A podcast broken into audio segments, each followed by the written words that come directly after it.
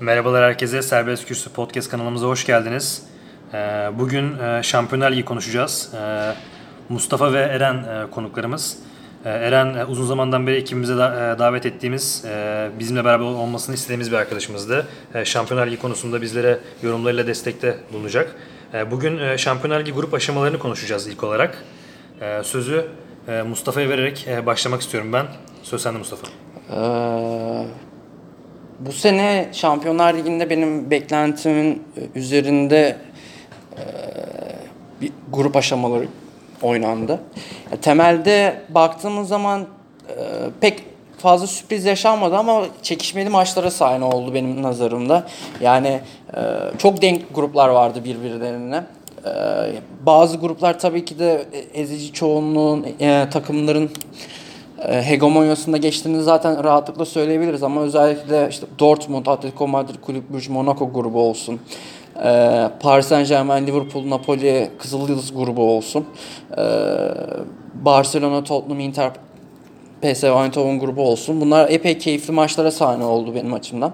E, öncelikle ya kısaca e, gruplardan birkaç gruptan söz, et- söz etmek isterim ben açıkçası. Ee, en keyif aldığım grup Dortmund, Atletico Madrid, Kulüp Brugge, Monaco grubuydu. Çünkü e, Monaco bu sezon çok büyük bir revizyona gitti kadrosunda. Ee, bütün yıldızlarını iki se- sezon önceki sağladığı başarının üstüne büyük bir revizyona giderek e, sezona başladı. E, Dortmund yenilenmiş kadrosu ve Lucien Favre gelmişti takımın başına. Yeni bir soluk getirdi.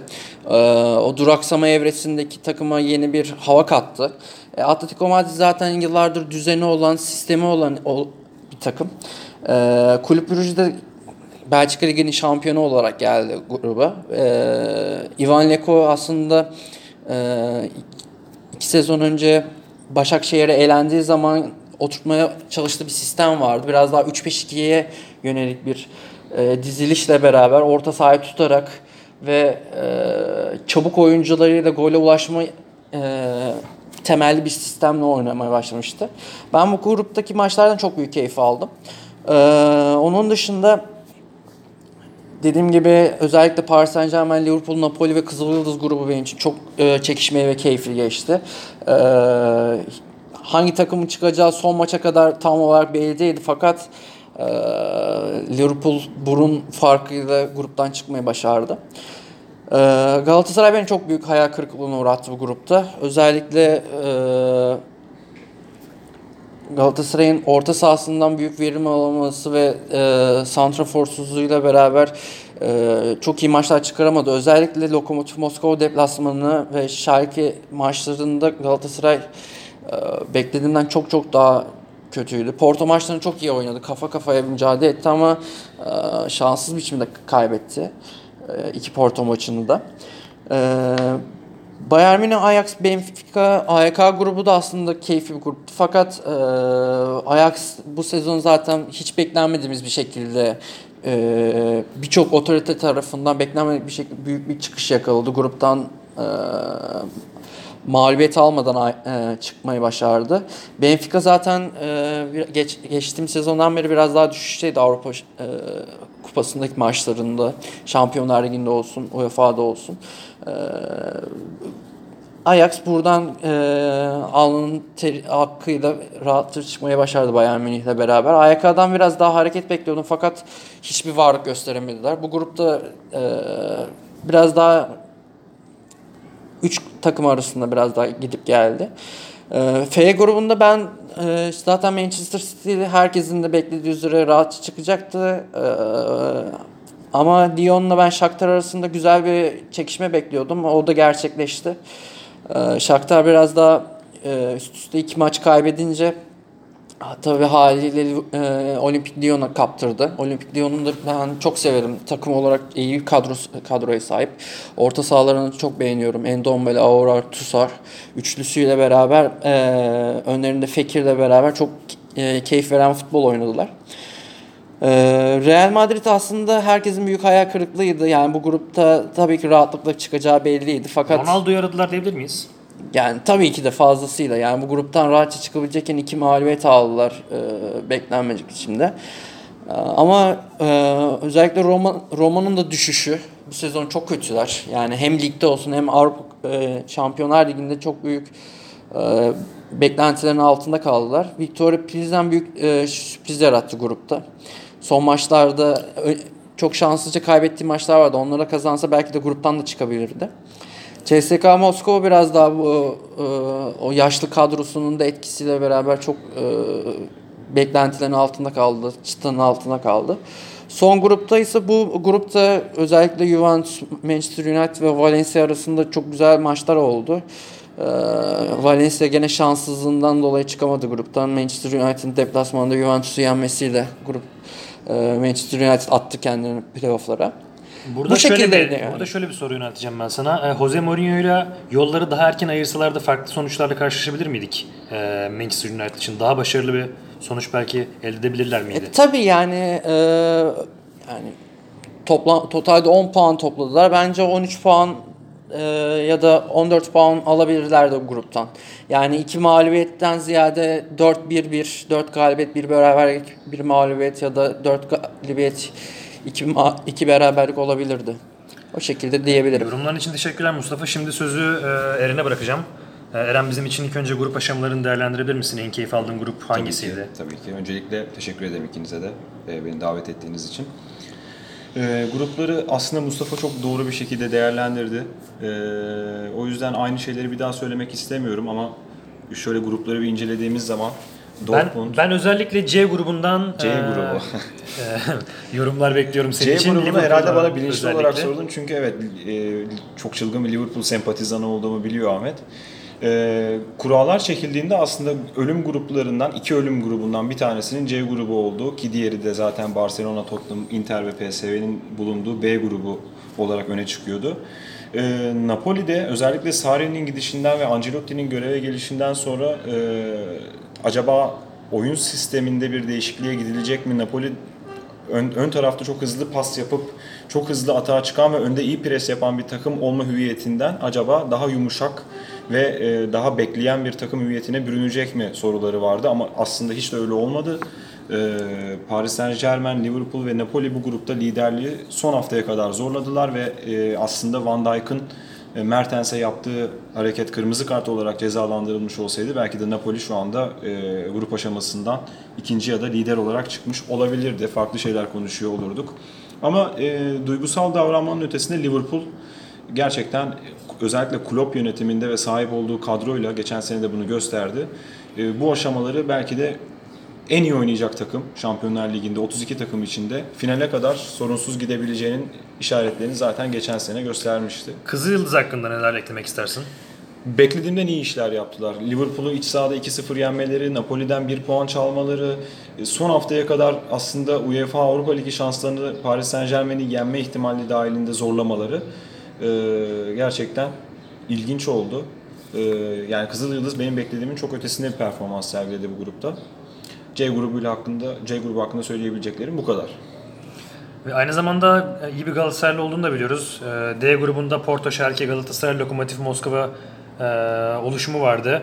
Galatasaray'ın bu sene Şampiyonlar Ligi'ndeki durumunu değerlendirir misin bizim için? Sence başarılılar mıydı? Gösterilen performans açısından e, beklentiyi karşıladı mı? Açık konuşmak gerekirse bu grubun favorisi Porto'ydu. Hem yani Türkiye'de biz bunu çok kabul etmek istemiyoruz ama Avrupa kamuoyunda, spor kamuoyunda bu zaten kabul görmüş bir gerçek. Saygı gören bir takım Evet. Porto gerçekten. Hem bir kültürü olan hem daha önce Şampiyonlar Ligi'ni kazanmış hem de sürekli o seviyelerde son 16'da son 8'de görmeye alışık olduğumuz bir takım. Kadro e, kalitesi itibariyle de zaten grubun öne çıkan takımıydı. Burada Galatasaray'ın gözüne hedef olarak kestirmesi gereken rakibi Schalke'ydi aslında. Lokomotiv Moskova biraz daha zayıf bir ekip olarak e, diğer takımlara göre görünüyordu. Kaldı ki zaten oynadığı maçlarda da Lokomotiv'in çok e, etkili bir performans sergileyemediğini gördük ama Galatasaray e, sahip olduğu kadronun kalitesinin aslında bu grup için bile çok yeterli olmayacağını herhalde aldığı sonuçlardan sonra gördü. E, tamam sakatlıkların da etkisi oldu bunda. Santraforsuz oynadılar. E, Belhanda gibi, Feguli gibi en kreatif iki oyuncusundan yararlanamadığı maçlar oynadı. Kart cezaları oldu. NDI'yi kullanamadı ama ne olursa olsun kendi dişinize göre e, bir kura çektiğinizi biliyorsunuz ve bu rakipleri yenebileceğinizi düşünüyorsanız yenmek zorundasınız. Aksi takdirde sizi evinize gönderiyorlar. Ya burada e, ufak bir anekdot söylemek isterim. Ya bence Marcao ile Luyendama bu turda e, grup aşamasında Kesinlikle, olsaydı çok daha kesinlikle. büyük fark yaratırlardı bence. Kesinlikle öyle. Galatasaray'ın hem topla çıkmasında hem de e, kritik müdahalelerde bence e, hem Porto hem Schalke maçlarında büyük Evet. etki gösterirlerdi yani. Ki deplasmandaki Lom- Lokomotiv maçıyla da bunu söyleyebiliriz rahatlıkla. Katılmamak elde değil çünkü Marcao'nun e, çok da Türkiye Ligi'nde görmeye alışık olduğumuz bir stoper olmadığını, ayağı çok iyi oynayan, e, özgüveni yüksek, aynı zamanda sertlikten de kaçmayan bir stoper olduğunu ve yüksek potansiyelli bir oyuncu olduğunu görmüş olduk zaten. İsterseniz e, ikinci turlardan devam edelim. Evet, e, şimdi ilerleyen turları konuşalım e, isterseniz arkadaşlar. E, Mustafa, e, Tottenham, e, Dortmund eşleşmesiyle başlayalım. İlk maç benim için çok büyük Dort, Dortmund açısından biraz daha ben Dortmund Sempatizanı. sempatizanı olduğumu söyleyebilirim ama Tottenham'ın da oynadığı futboldan büyük keyif alırım. Yeni kurdukları sistemle Pochettino'yla gelmesiyle beraber oluşturdukları eee, Sinerji. sinerji, ortam, futbol ve sistemin çok eee, takdir eder ve keyif alarak izliyorum. Yeni de bir stat açtılar. Ee, daha o stadın da tam ekmeğini yemeden aslında ile- ilerliyorlar yani şöyle söyleyeyim ee, bu Liverpool aşamada maçıyla açmayı planlıyorlardı ama çok evet. uzadı o iş. çok çok uzadı yani ee, aslında çok başlarında arttı hem ligde olsun hem şeyde olsun Tara- büyük bir taraftar ee, desteğinden uzaklar şu Evet. anda ama ona rağmen işlerini çok iyi biçimde hallettiler Dortmund ilk maçta çok varlık gösteremedi diyebilirim rahatlıkla. Tottenham e, Dortmund'u ezberlemişti. Özellikle e, Dortmund'un geriye dönüşlerde çok büyük sıkıntıları var. Çok genç, dinamik kadrosu olmasına rağmen özellikle çık- çıktıkları zaman çok büyük etki gösteriyorlar ama dönüşlerde büyük sıkıntı. Tottenham'ın da hızlı çıkan ve ama bir yandan da e, savunmasının da e, gerideki oyuncularıyla beraber çok iyi e, sistematik biçimde oynatan bir takım. Yani bu takımın Alderweireld, Vertonghen ve Davinson Sanchez gibi üç tane çok iyi stoperi var. E, Bunların yanına Erik Dyer'ı da ekleyebiliriz. E, Bunların zaten hem tecrübesi hem e, dinamizmiyle beraber biraz daha Tottenham savunma anlamında iyi Dortmund'u kitledi. Hücum anlamında da zaten buldukları her çok iyi çıkışlarla beraber Dortmund'u kitlediler ve sonucu aldılar daha ilk maçtan.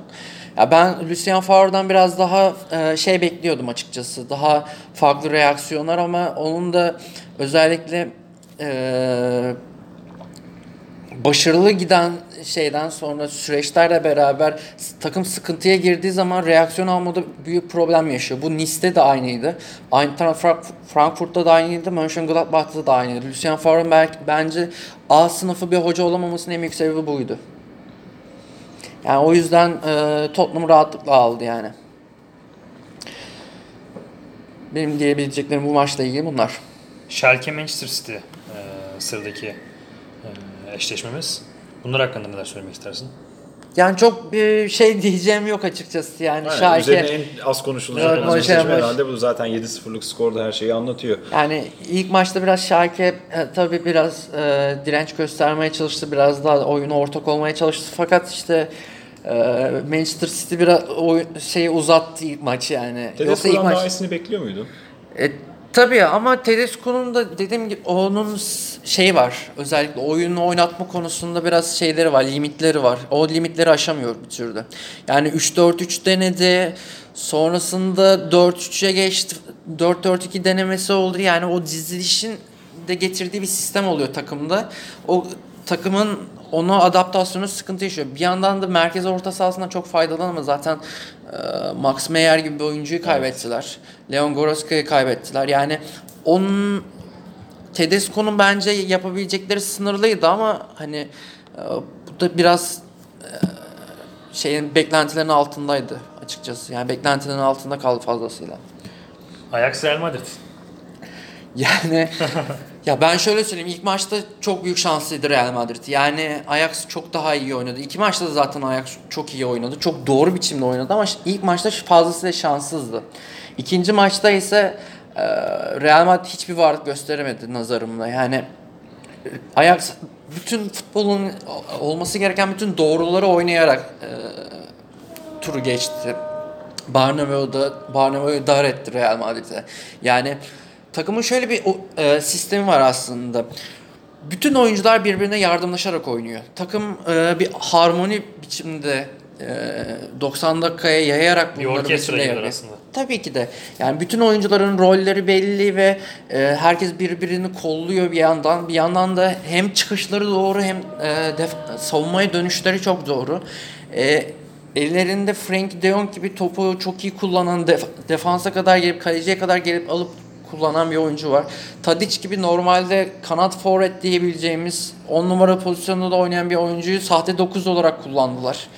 Ee, Erik Ten Hag sahte 9 olarak oynattı Dusan Tadic'i. Ve benim çok da sevdiğim, keyif izlemekten keyif aldığım bir oyuncuydu. Onun çok büyük fark yarattı. Yani sahte 9'ların da aslında önemli olduğunu, bir sistem kurduğunuz zaman onun da çok önemli bir anahtarı olduğunu gösterdi. Muhteşem bir ikinci maç izledik. Yani ben Ajax'ı izlerken muazzam bir zevk aldım yani. Bunu diyebilirim. Evet sırada sıkıcı futboluyla tanıdığımız Diego Simeone'nin Atletico Madrid ve e, Juventus eşleşmesi var. E, ilk maçta sıkıntı yaşadı açıkçası Juventus ama e, ikinci maçta e, Ronaldo farkı oldu mu sizce? Kesinlikle oldu. Ronaldo zaten winner karakteri artık ruhuna işlemiş bir futbolcu. Özellikle Şampiyonlar Ligi özelinde konuşuyorsak herhalde burada e, ilk ön plana çıkacak futbolcu Ronaldo'dur. E, kaldı ki o sorumluluğu aldı 2-0. Özellikle Atletico Madrid gibi e, bloklar arasını çok iyi kapatıp e, kendi yarı sahasına kapandığı zaman gol yeme e, ihtimali çok düşük olan bir takımı 3-0 gibi net bir skorla 2-0'dan dönerek yenmek, elemek kolay bir iş değil. Kaldı ki Juventus da sezon başından beri hücum zenginliği konusunda sıkıntılar yaşayan bir kulüpken e, Ronaldo'nun sorumluluk almasıyla bunu başardı. Mustafa belki sen bir şey eklemek istersin. Ben Atletico Madrid üzerinde konuşmak istiyorum. Zaten sen Juventus'u güzelce e, yapmak istediklerini, yaptıklarını özetledin. Atletico Madrid'in sistemi şu anda e, bloke olmuş durumda. Yani Aslında 4-0'lık Dortmund yenilgisinde bunun alarmları çalmaya Tabii tabii. başlamıştı. Yani e, aslında geçen sezondan beri yavaş yavaş vardı. Çünkü gol bulamadıktan sonra Atletico Madrid bir şey yapamıyor. Yani e, orta sahası merkezinde şu anda Thomas Partey ve Rodrigo oynuyorlar. Villarreal'den yeni transfer ettikleri. Ama tabii ki bir Gabi e, Saul ya da Gabi Koke ikilisi gibi bir etki yaratama, yaratamıyorlar. Thiago'yu ve Arda'yı bile ekleyebiliriz. Buna. Yani- Ama Atletico Madrid çok başka bir seviye. Tabii ki yani şu anda Thomas Lemar'ı aldılar mesela Monaco'dan. Thomas Lemar çok iyi bir hücumcu ama e, yani Filipe Luis'in 5 metre ötesinde falan dolanıyor. O ısı haritasını çıkarmışlar. E, şu anda baktığımız zaman mesela Santiago Arias'tan faydalanamadılar e, kanat çıkışlarında olsun. E, Korea çok geride oynuyor. Korea da çok iyi bir e, sağ kanatta hücumcu. Yani Thomas Lemar'ın sağ kanat versiyonu gibi düşünebiliriz. Gole giden şey oyuncu. Böyle de Ama bir oyuncu. yani Simeone bunları çok savunmacı olarak kullandığından dolayı hücumda bir e, üretkenlikte zorlanıyor artık Atletico Madrid ve hani e, Ve Griezmann'ın ayağına bakıyor biraz da aslında. artık tamamen yani kişisel yaratıcılıklardan ilerlemeye çalışıyorlar. Yani aslında burada Simeone'nin de biraz e, şapkasını önüne koyup düşünmesi lazım aslında biz nerede yanlış yapıyoruz. Çünkü hem Rodrigo hem Partey gibi iki ön libero ile oynuyorsun. E, yaratıcılık bekliyorsun takımdan. Nasıl çıkacak? Evet. Kanatların geride sürekli. Yani o hücumcu kanat oyuncuların beklerinin 5 metre ötesinde oynuyor neredeyse. Yani o, bu anlamda Atletico Madrid'in bu sıkıntı yaşamasını ben şaşırmadım. Yani e, Juventus çok e, büyük karakter koyarak aldı. Yani e, bunu NBA'de de fazlasıyla görüyoruz. Bitirici oyuncularıyla beraber, Ronaldo'nun önderliğiyle beraber bitirdiler oyunu. Evet, sıradaki e, eşleşmemiz Barcelona-Lyon. Lyon aslında e, genç kadrosuyla ve e, takım oyunuyla benim çok beğendiğim bir takım. Ama Barcelona karşısında tabii ki zorlandılar ve Barcelona ikinci maçta 5-1'lik bir skorla e, turu geçmesini bildi. Bu eşleşme hakkında ne söylemek istersin abi? Ben şunu söyleyeyim. Lyon aslında Manchester City'yi 2-1 yenerek özellikle İngiltere'de bunu başararak e, Şampiyonlar Ligi'nde nasıl bir yol, haritası takip edeceğinin sinyallerini vermişti. E, iyi bir takım olduğunu göstermişti. E, kaldı ki grubun devamında da zaten Shakhtar ve Hoffenheim gibi aslında çok da yumuşak olmayan sert takımlara karşı bu performansını sürdürdü ama Benim Lyon'la ilgili kafamda şöyle bir şey var. Ön tarafta gerçekten çok atletizmi yük- yüksek, e, şutör, skor gücü yüksek olan üretici oyuncular, işte e, Depay'ından Fekir'ine, Tusar'ından e, Endombele'sine e, bu kadar yaratıcı oyuncular varken arka tarafınız acaba aynı kusursuzluğa sahip mi? Çünkü eğer sizin stoperlerinizden bir tanesi iki sene önce Türkiye Ligi'nde Beşiktaş'ta oynayan, diğeri de geçen sezon Türkiye Ligi'nde oynayan Denier'sa veya işte Marcelo Guedes'se sizin bazı şeyleri bence sorgulamanız lazım. Ee, çünkü Türkiye Ligi'nin kalitesi açıkçası Avrupa'nın büyük ligleri içinde kesinlikle ilk sıralarda yer bulamıyor. Bunu kabul etmemiz lazım. Ve siz bu oyuncuları alıp yan yana koyduktan sonra doğrudan Şampiyonlar Ligi'ne katıldığınız zaman e, açıkçası No Camp'te 5 gol yemeniz de sürpriz olmuyor. Ee, bu eşleşmeyle ilgili söyleyebileceğim şey bu. Zaten No Camp'ta Barcelona'nın nasıl oynadığını hepimiz çok iyi biliyoruz. Ya zaten e, Eren güzel söyledi. Ben de onu e, üçüncü stoperlerini Fernando Marçal'ın da Gaziantep Spor'da Gaziantep, evet, olduğunu onu sana yani. bıraktım. Yani e, aslında dedikleri Eren'in sonuna kadar doğru. Ben bir şey olarak e, Barcelona'yı şöyle söyleyebilirim, ekleyebilirim. Aslında Barcelona'da eskisi kadar da güzel, keyif veren futbol oynamıyor ama tabii ki Luis Suarez ve Messi var ellerinde. Ön taraf işi bir şekilde bitiriyor değil mi? Bir şekilde bitiriyor. Yani skoru alabiliyor. Yoksa eğer ki e, bir sonraki turlarda da konuşacağız bunu. Yani e, kitlediğiniz zaman özellikle hani veyahut da biraz daha yavaşlatabildiğiniz zaman Messi ve Suarez kitlemek çok şey olur. E, ucuz bir tabir olur Messi, Messi ve Suarez için. E, Barcelona savunmasını ben ağır buluyorum. Yani o en büyük etken Sergio Busquets gibi bir oyuncu var. Yani bekçi gibi e, hem savu işin savunma kısmında çok büyük e, görev üstleniyor. E, Pique düşüşte bana göre. E, almışlardı Sevilla'dan. O biraz daha hem ayağı düzgün bir oyuncu hem biraz daha dinamik bir oyuncu. Ama tabii ki de Barcelona'nın eski e, tadı yok. Sanki Ama Pique'nin yanındaki stoperde birinci sınıf bir oyuncu bulma konusunda sıkıntı yaşıyor aslında bence Pique'de e, Pique'nin de miadı dolmaya Evet. başladı yavaştan. Çünkü Zaten o 32-33 yaşına geldi. hem artık. uzun boylu bir oyuncu yani uzun boylu oyuncuların zaten o çok atletizmi Evet. hızı olmuyor. Yani bir Fazio örneği var mesela Roma'da gördüğümüz 1.95 boyunda oyuncudan çok büyük bir şey alamazsınız alamazsınız. Pique de öyle. Evet. Artık Barcelona'nın yeni bir Umtiti ve Langley'i aynı anda oynatabilir mi artık? Ya da biraz daha dinamizmi yüksek bir stoperle beraber yeni bir açılıma gider mi? O takımın direkt sportif direktörüne kalmış bir durum ama bence bir, yeni bir açılıma gitmeleri gerekiyor. Paris Saint Germain Manchester United bir diğer eşleşmemiz. Ee, ilk maçta Paris'in 2-0'lık üstünlüğü vardı. Sonrasında Manchester United 3-1 ile turu geçmesini bildi. Bu konuda neler eklemek istersiniz? Şimdi Paris Saint Germain neden bir türlü başaramıyor? Kaldı ki Old Trafford'da tam olarak istediği skoru da almayı başardı. Buffon, Dani Alves gibi e, winner karakterli oyuncuları da kadrosuna kattı. Artık bütün parçalar yerine oturdu derken e, bu kez Neymar'ın sakatlığı geldi. Ne olursa olsun seveni sevmeyeni çoktur ama e, Neymar Paris Saint Germain'in oyun lideri ve en kreatif oyuncusu. Mbappe burada her ne kadar skor üretme yeteneğiyle ön plana da çıksa aslında biraz Paris Saint Germain Neymar liderliğinde saha içinde çözüm üretmeye çalışan e, ve skor almaya çalışan bir takım. Ve Manchester United'a karşı acaba Neymar olsaydı yine bunlar yaşanır mıydı? Çünkü oyun boyunca %70'leri aşan e, toplu oynama yüzdesiyle Manchester United aslında mahkum etti Paris Saint Germain ve Manchester United'ın tura, tura dair bir beklentisi yokken tamamen bir şans penaltısıyla e, 3-1'e getirdi skoru ve turu geçmeyi başardı. Ama zaten e, çeyrek finalde Barcelona ile eşleştikten sonra da çok fazla ileri gidemeyeceklerini aslında öngörmüştük. E, Mustafa belki sen bir şey eklemek istersin. Ya benim söyleyebileceğim aslında e, işte Bayern Münih, Paris Saint Germain, işte Juventus gibi takımların e, yaşadığı bir sıkıntı var aslında. Juventus'u çok da katmak istemiyorum onun işin içerisinde. Paris Saint Germain haftalar öncesinden şampiyonluğunu ilan ediyor. Aslında e, Manchester United mesela Manchester City, Liverpool, Tottenham, Chelsea, Arsenal gibi ve e, başaltı takımlarla beraber çok ağır bir mücadele içerisinde giriyorlar. Aslında biraz burada her türlü reaksiyonu alabiliyorlar. Geçtiğimiz programda da dünyaya da aynısını söylemiştim e, özellikle Tottenham'ı konuşurken. Alternatif planları var mesela böyle takımların. Ee, ama Paris Saint Germain çok daha böyle kendinden çok e, kat ve kat aşağıda bir, bir 4-5 basamak aşağıdaki takımlarla oynuyor fakat kendi dengi veya kendi üstündeki takımlarla oynama şansını sadece Şampiyonlar Ligi'nde bulunuyor ve ona göre reaksiyon almada büyük sıkıntı yaşıyorlar. Geçen sezonda bu böyleydi, ondan önceki sezonda böyleydi. Paris Saint Germain temel sıkıntısı bu aslında. Biraz daha oyuncularının e, ligi rahat götürüp Şampiyonlar Ligi'nde e, odaklanmada aslında e, ve a- aksi skorlarda, aksi durumlarda ne yapacaklarını bilememesi bir durumu var. Benim Manchester United'ın geçmesinin temel sebebi bu aslında. Solskjaer'in özellikle getirdiği takıma getirdiği bir hava var. Aslında çok da iyi, iki maçta da iyi oynamamasına rağmen doğru reaksiyonlar, doğru aksiyonlar aldı e, Solskjaer ve turu Manchester United'a gelmesinde çok büyük bir pay sahibi olduğunu söyleyebilirim.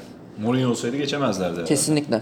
Yani Mourinho çok daha farklı bir şey oynatırdı ama Solskjaer olabildiğince skoru almaya için uğraştı, çaba verdi yani. Ben de kesinlikle sana katılıyorum Mustafa. Ve diğer eşleşmemiz Liverpool Bayern Münih. Konu Liverpool olunca sözü direkt yerine bırakıyorum. Şimdi Anfield'daki maçtan başlayalım. Ee, Anfield'da golsüz beraberlik aslında biraz Liverpool'lu oyuncuların özellikle ön taraftaki isimlerin e, gol yollarındaki beceriksizliğinden kaynaklandı. Bayern Münih her ne kadar e, iyi baskı yapsa da hem arka tarafı iyi savundu hem gerektiği zaman ön tarafta iyi basıp Liverpool'un oyun kurmasını zorlaştırdı ama Liverpool kendisine galibiyeti getirecek pozisyonları buldu aslında. Sadece değerlendiremediler. Ama Liverpool'un şöyle bir özelliği var. Bu Jurgen Klopp'un e, alameti farikalarından bir tanesi. Liverpool iç sahada da dış sahada da dünya üzerinde aynı futbolu, aynı dizilişi gösterebilen belki de tek takım. Yani Liverpool taraftar desteğinden güç almayan belki de tek takım olabilir. Bunu şu açıdan söylüyorum. Normalde siz belki taraftarınızın desteğiyle e, kaleciye 3 kişi aynı anda pres yapabilirsiniz ama gidip e, Bayern Münih'e deplasmanda Neuer'e verilen geri pası 3 oyuncu aynı anda basmaz. Kendi sahanızda beklersiniz, kontra atak yaparsınız ama Liverpool e, bu baskıları stat ayrımı veya tribün ayrımı yapmaksızın her yerde aynı orantıda doğru şekilde yapabiliyor ve e, bence bunun da meyvesini yediler. E, Van Dijk'ın ne kadar mükemmel bir oyuncu olduğunu hem Mane'ye yaptığı asiste hem de fizik gücünün inanılmaz ötesi bir fizik gücüne sahip olması ve çıktığı hava topunu değerlendirmesiyle görmüş olduk. E, Liverpool Bence e, iki tarafa da gidip gelen bir turda rakibini elemeyi bildi. Ama Bayern Münih de Şampiyonlar Ligi'nin aslında e, güçlü ekiplerinden bir tanesiydi. Her ne kadar formsuz olurlarsa olsunlar. Sıradaki eşleşmemiz e, Roma Porto. E, Bununla ilgili ne- neler söylemek istersin Yani çok Mustafa? fazla e, konuşulacak bir şey yoktu. Ben açıkçası Porto'nun çıkacağını bekliyordum. Çünkü Roma hiçbir iyi işaret göstermiyor. Geçtiğimiz sezon iyiydi. Ondan önceki sezon zaten e, altın yılıydı bana göre. Yani 86 puanlı lig ikincisi oldular yani. Ve Spalletti çok iyi bir sistemi vardı. Bu seneki e, yeni transferlerden katkı alamadılar. Ee, olan nüvede oyunculardan da çok büyük e, düşüş var. Yani Manolas bu sezon is- istediğim seviyede. Fazla çok kötü. Her maç büyük skandal hatalara imza atıyor. Ona rağmen böyle çok e, dişine göre bir rakip gelmesi hemen Porto aslında Sergio Conceição'la beraber Galatasaray maçlarında gördüğümüz üzere aslında e, biraz sıkıntı yaşar ama gene de onun onların oturmuş bir sistemi var şu anda. Yani bir şekilde alternatiflerini yaratabiliyorlar. Yani Eder Eder Militao gibi sağ bekten stoper de yaratabiliyorlar. Ee, çatır çatır oynayabiliyor. Yani Real Madrid'de şu anda transferi söz konusu. Ya da transferi tamamlandı. e, Abu Bakar sakattı. Marega'dan çok büyük verim aldılar. Bambaşka bir oyuncu haline getirdiler Marega'yı. Yani Abubakar'ı aramıyorlar kesinlikle. Tabii. Yani Brahimi gibi e, faktör var. Brahimi hem kanatta hem forvette çok büyük işler Gerçekten gördü. çok kaliteli bir oyuncu Brahim.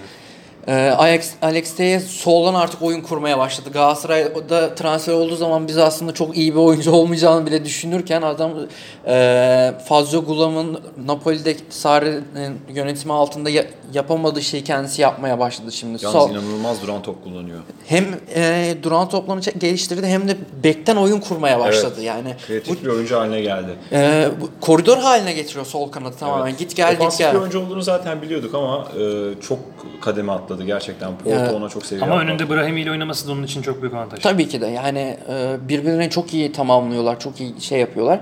Ben Port, e, Porto'nun zaten skoru alacağını biliyordum. 2-1 onlar için tam ideal skordu. Yani rahatlıkla geçeriz biz onları baktılar.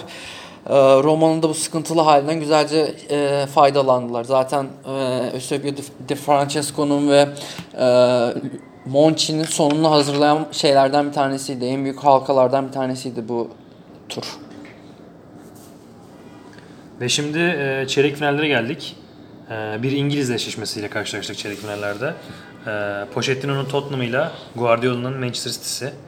E, ligde zaten onları izlemekten büyük keyif alıyoruz ama şimdi karşımıza Şampiyonlar Ligi'nde çıktılar. Bununla ilgili neler söylemek istersin ilk olarak Eren?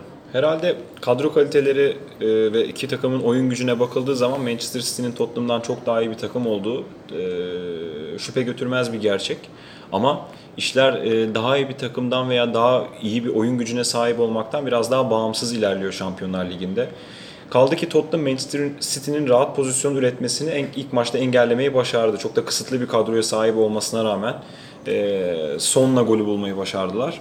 E, ve 1-0'lık skor aslında onlara çok büyük bir avantaj sağladı.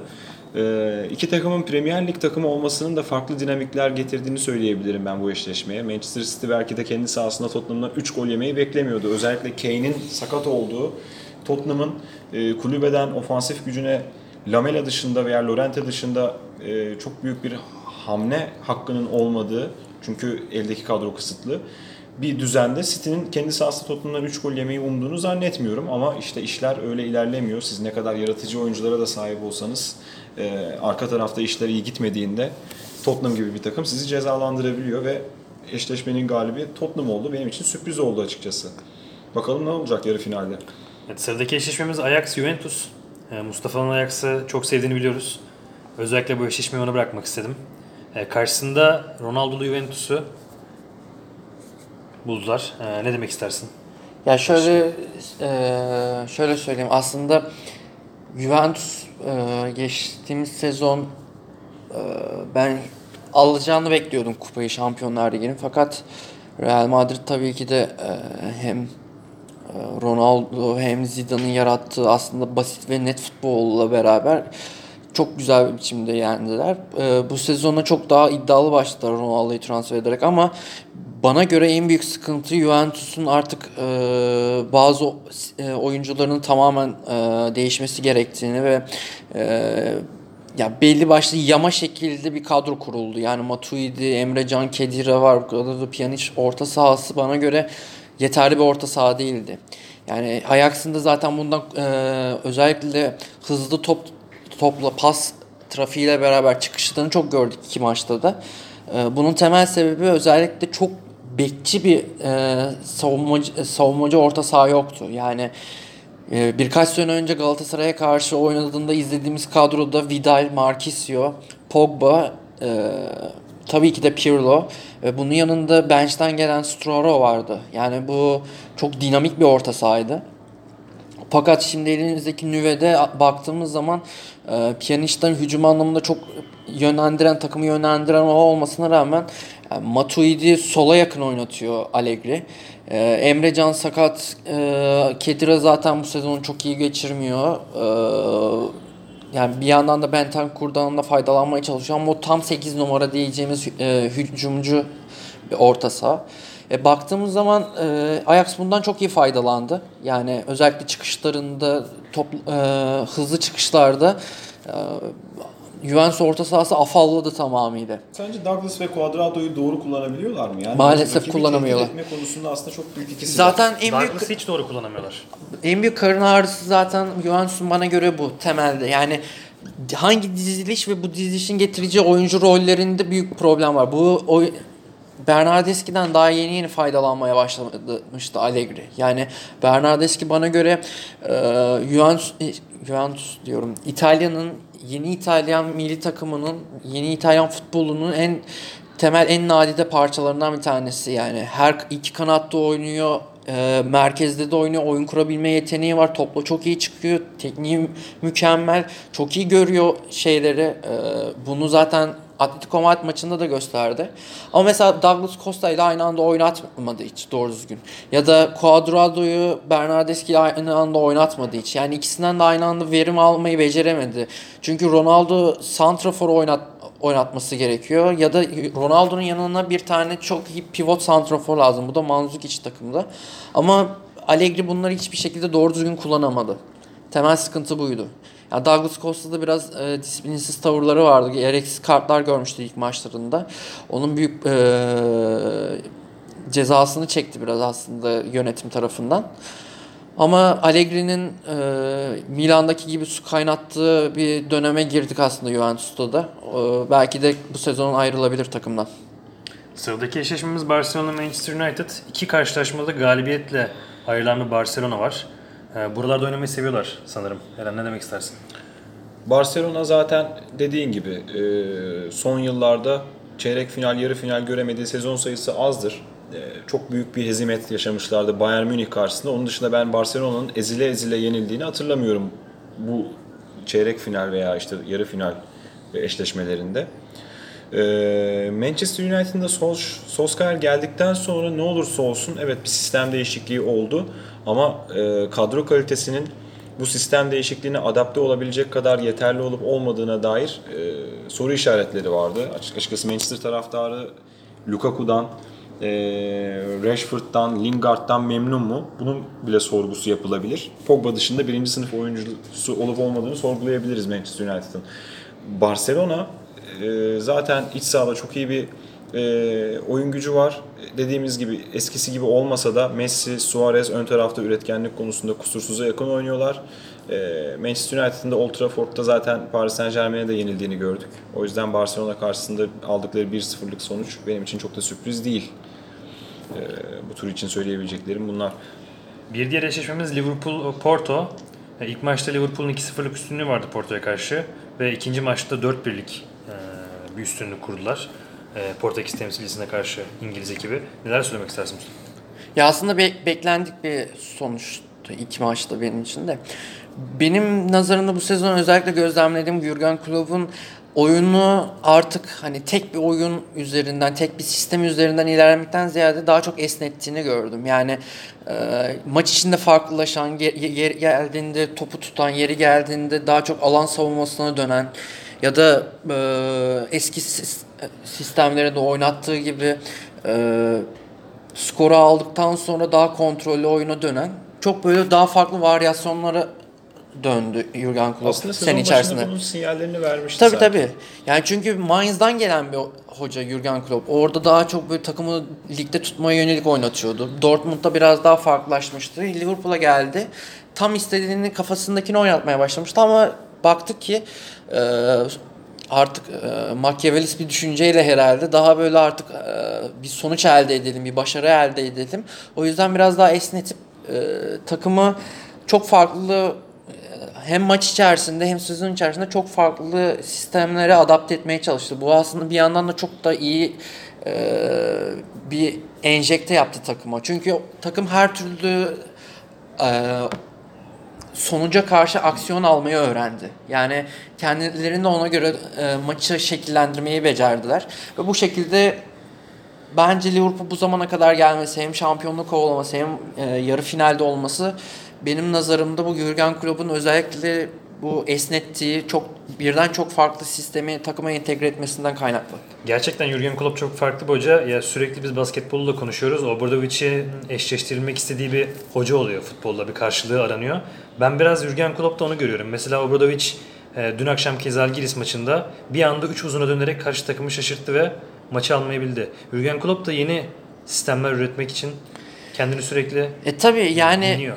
Ben mesela bu sezon Henderson'ın çok oynatılmayacağını düşünüyordum. Ben çok e, Navigator taraftarı bir insanım. Yani Navigator'ı çok beğenirim.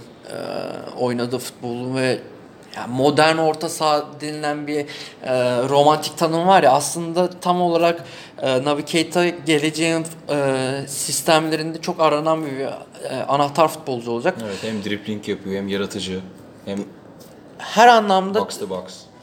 Mu- muazzam bir oyuncu ama bu sezon mesela çok kullanmadı onu. Ee, sakatlıkları oldu onun da e, kondisyonun ekstra. Evet. sıkıntısı yaşadı bence o da. O da baktık ki Wijnaldum merkezi çekeyim. Wijnaldum e, merkezin e, ana şey olsun. E, deniz feneri olsun. Yanında da Henderson ve Milner'ı o şekilde kullanıp daha e, aktif bir orta saha düzenine geçti. Ve bunun çok büyük e, meyvelerini topladı. Fabinho da mesela daha çok hamle oyuncusu olarak kullandı ki bence çok doğru bir hamleydi o aslında. Yani Fabinho'nun doğru anlarda oyuna girmesi Liverpool orta sahasını diriltiyordu. Yani düşüşteki orta sahayı e, toparlayan bir isim oldu. Bence Jurgen Klopp e, birkaç sene içerisinde çok çok e, futbol tarihine rahatlıkla adını yazdıracak bir noktaya gelecek, getirtecek hem Liverpool'u hem kendini de getirecek. Porto tarafından bakarsak. Ya aslında Porto'nun e, bana göre çeyrek finali görmesi şaşırtıcı değildi ama burada biraz daha e, tabii ki de çok e, kal- kaliteli gibi. yani kaliteli ayakları yoktu e, Liverpool'a nazaran. Liverpool'a nazaran. Ama ben hala ve hala e, Porto'nun bir iki daha doğru takviyeyle veyahut da altyapıdan gelecek oyuncuları doğru entegre ederek çok daha e, yarı finali zorlayacak gelecek yıllarda kadronun nüvelerini bu, e, bünyesinde barındırdığını düşünüyorum. Ve bütün e, karşılaşmaların e, bu sonucunda e, Tottenham, e, Ajax, e, Barcelona, Liverpool eşleşmeleriyle karşılaştık e, yarı finalde. E, ilk olarak ben Mustafa'ya soracağım e, Tottenham Ajax'ı. Ardından topu e, Barcelona Liverpool eşleşmesi için Eren'e atacağım. Mustafa Tottenham Ajax.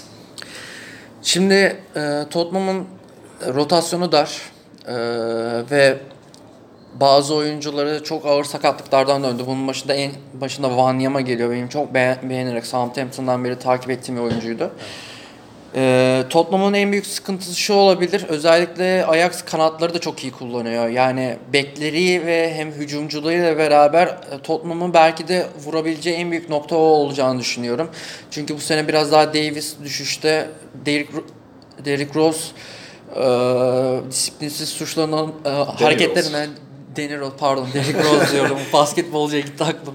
Danny Rose'un ya geçtiğim sezon doğru düzgün oynamadı. Hem sakatlık hem disiplin sorunları yüzünden o da gitmek istiyordu. Bu sezon daha yeni yeni toparlanmaya başladı ama çok eksikleri var. Ee, Ajax'ın bence biraz daha e, merkezden ziyade kanatları iyi, iyi kullanacağını düşünüyorum. E, Tottenham'ı elemek istiyorsa. Tottenham'ın da olabildiğince e, Ajax merkezini e, kitlemesi gerekiyor. Artık e, Harry Winks döner mi ya da Eric Dier e, formda olur mu, kend, gününde olur mu? O biraz daha Tottenham'ın şansına kalmış bir durumda ama e, iki taraftan da baktığımız zaman tam aslında dişe diş bir mücadele olacağını düşünüyorum. Belki e, sürpriz olmazsa ben e, Ajax'ın çıkabileceğini düşünüyorum bu turdan. Benim de açıkçası gönlüm Ajax'tan yana burada. Yalnız şöyle bir şey var. Delikt ve e, De Jong'un 2-19 yaşında oyuncudan bahsediyoruz. Saha içinde aldığı sorumluluklardan tutun soğukkanlılıklarına kadar ve e, Ajax'ın işleyen sisteminde oyuna hakim oluşlarına kadar bu iki oyuncu sizce 19 yaşında oyuncular hüviyetinde mi görünüyor yoksa şu anda yani çok farklı şeylerden mi bahsetmemiz gerekiyor bu iki oyuncu özelinde? Yani bu aslında zaten Ajax'ın yıllardır oynattığı şey abi. E, 94 Şampiyonlar Ligi finalinde e, Kluivert 20 yaşındaydı ve Milan'a e, karşı galibiyet golünü atan oyuncu oydu. O takımda e, De Boer'lar, Bergkamp'lar vardı. Yani aslında yıllardır Ajax böyleydi. Yani hep oyuncuları daha erken yaştan sorumluluklar veriyor ve kendilerini bir üst noktaya çıkarabilmesi için çok büyük efor sarf ediyor. Snyder e, 17-18 yaşında başlamıştı. Van der Vaart keza öyle. Yani e, Mütelar. Andy van der Meydeler olsun e, ya birçok oyuncu sayabiliriz aslında. E, bunun bunları aşılıyorlar zaten. Bu bir kültür aslında oluşturdu Ajax. Yani bir futbol takımından ziyade bir kültürü Ajax, Ajax'ın bir kültürü var ve bu kültürde oyunculara çok genç e, genç yaştan itibaren hem eğitimleriyle beraber hem futbol anlamında hem de in, e, karakter anlamında çok doğru şeyler e, yükleniyor oyunculara. Bunun da meyvelerini topluyorlar. Ee, sıradaki eşleşmemiz Barcelona-Liverpool. Ee, Eren zor bir eşleşme açıkçası Liverpool için. Ee, Barcelona buraların çok gidiklisi. Gerçi Liverpool da son senelerde buraları çok oynuyor. Önceki dönemlerde tabii ki oynadı. Şampiyonlar Ligi şampiyonlukları da var. Fakat e, bu eşleşme hakkında senin e, yorumlarını dinlemek istiyoruz. Ben bu eşleşmeye şöyle bakıyorum. Liverpool son 16'da Bayern Münih'i eledi ve Barcelona ile Bayern Münih'i eşleştirirsek acaba takımlardan hangisi ön plana çıkar? Ben buna net bir cevap veremiyorum. Yani Barcelona'yı aslında Bayern Münih'le denk güçle görüyorum ama şöyle bir faktör var. Barcelona'nın Messi'si var. Şampiyonlar Ligi'nde oynayan hiçbir takımın sahibi olmadığı bir oyuncu Messi. Ee, doğal olarak Messi'nin alacağı ekstra sorumluluklar ya da yapacağı ekstra işler acaba Liverpool'un dengesini bozabilir mi? Van Dijk e, bu sezon sprintte çalım yemeyen tek oyuncu. Çok ilginç bir şekilde uzun boyuna rağmen e, pozisyon bilgisi ve fizik gücü o kadar yüksek ki çalım yemiyor. Yani acaba Messi'ye karşı da bunu sürdürebilecek mi? Çünkü Messi'nin zaten çalım atmaması belki de imkansız. Yani karşısında hatırlarsınız belki çok yakın bir tarihte e, Bayern Münih'in çok formda olduğu e, eksiklerine rağmen Nou Camp'a gidip işte Boateng'in çok sükse yaptığı bir dönemdi. Hem attığı uzun paslarla hem savunmadaki oyun bilgisiyle, oyunu kuruşlarıyla Avrupa'nın Ramos'un bile önüne geçip bir numaralı stoperi haline geldiği bir dönem vardı. Messi Boateng'i tek maçta bitirmişti. Van Dijk'a da aynısını yapabilir mi? Ya da Liverpool'un oyun gücüne karşı Barcelona e, üstünlük sağlayabilir mi? Açıkçası ben çok yakın görüyorum iki takımın şansını ama Liverpool'u belki bir tık daha önde görüyor olabilirim çünkü kusursuz bir hücum futbolu oynuyorlar. Sence e, benim sana bir soracağım olacak. Ee, az önce de bahsettik. Barcelona ben şunu hep gözlemliyorum. Barcelona'nın e, savunması daha biraz daha ağır. Ee, Jurgen Klopp bunun üzerine bir oyun ileri üçünü Sadio Mane, e, Firmino ve Salah üçlüsünü buna entegre edebilir mi? Daha hızlı çıkışlarla beraber o aslında gördüğümüz Liverpool sistemine geri dönebilir mi Liverpool maçta? aslında bunu ne olursa olsun yani oynadığı sistem e, topa hakim olma üzerine bile kurulu olsa bunu bir şekilde yapmaya çalışıyor. Özellikle duran top e, dönüşlerinde bunu çok görüyoruz.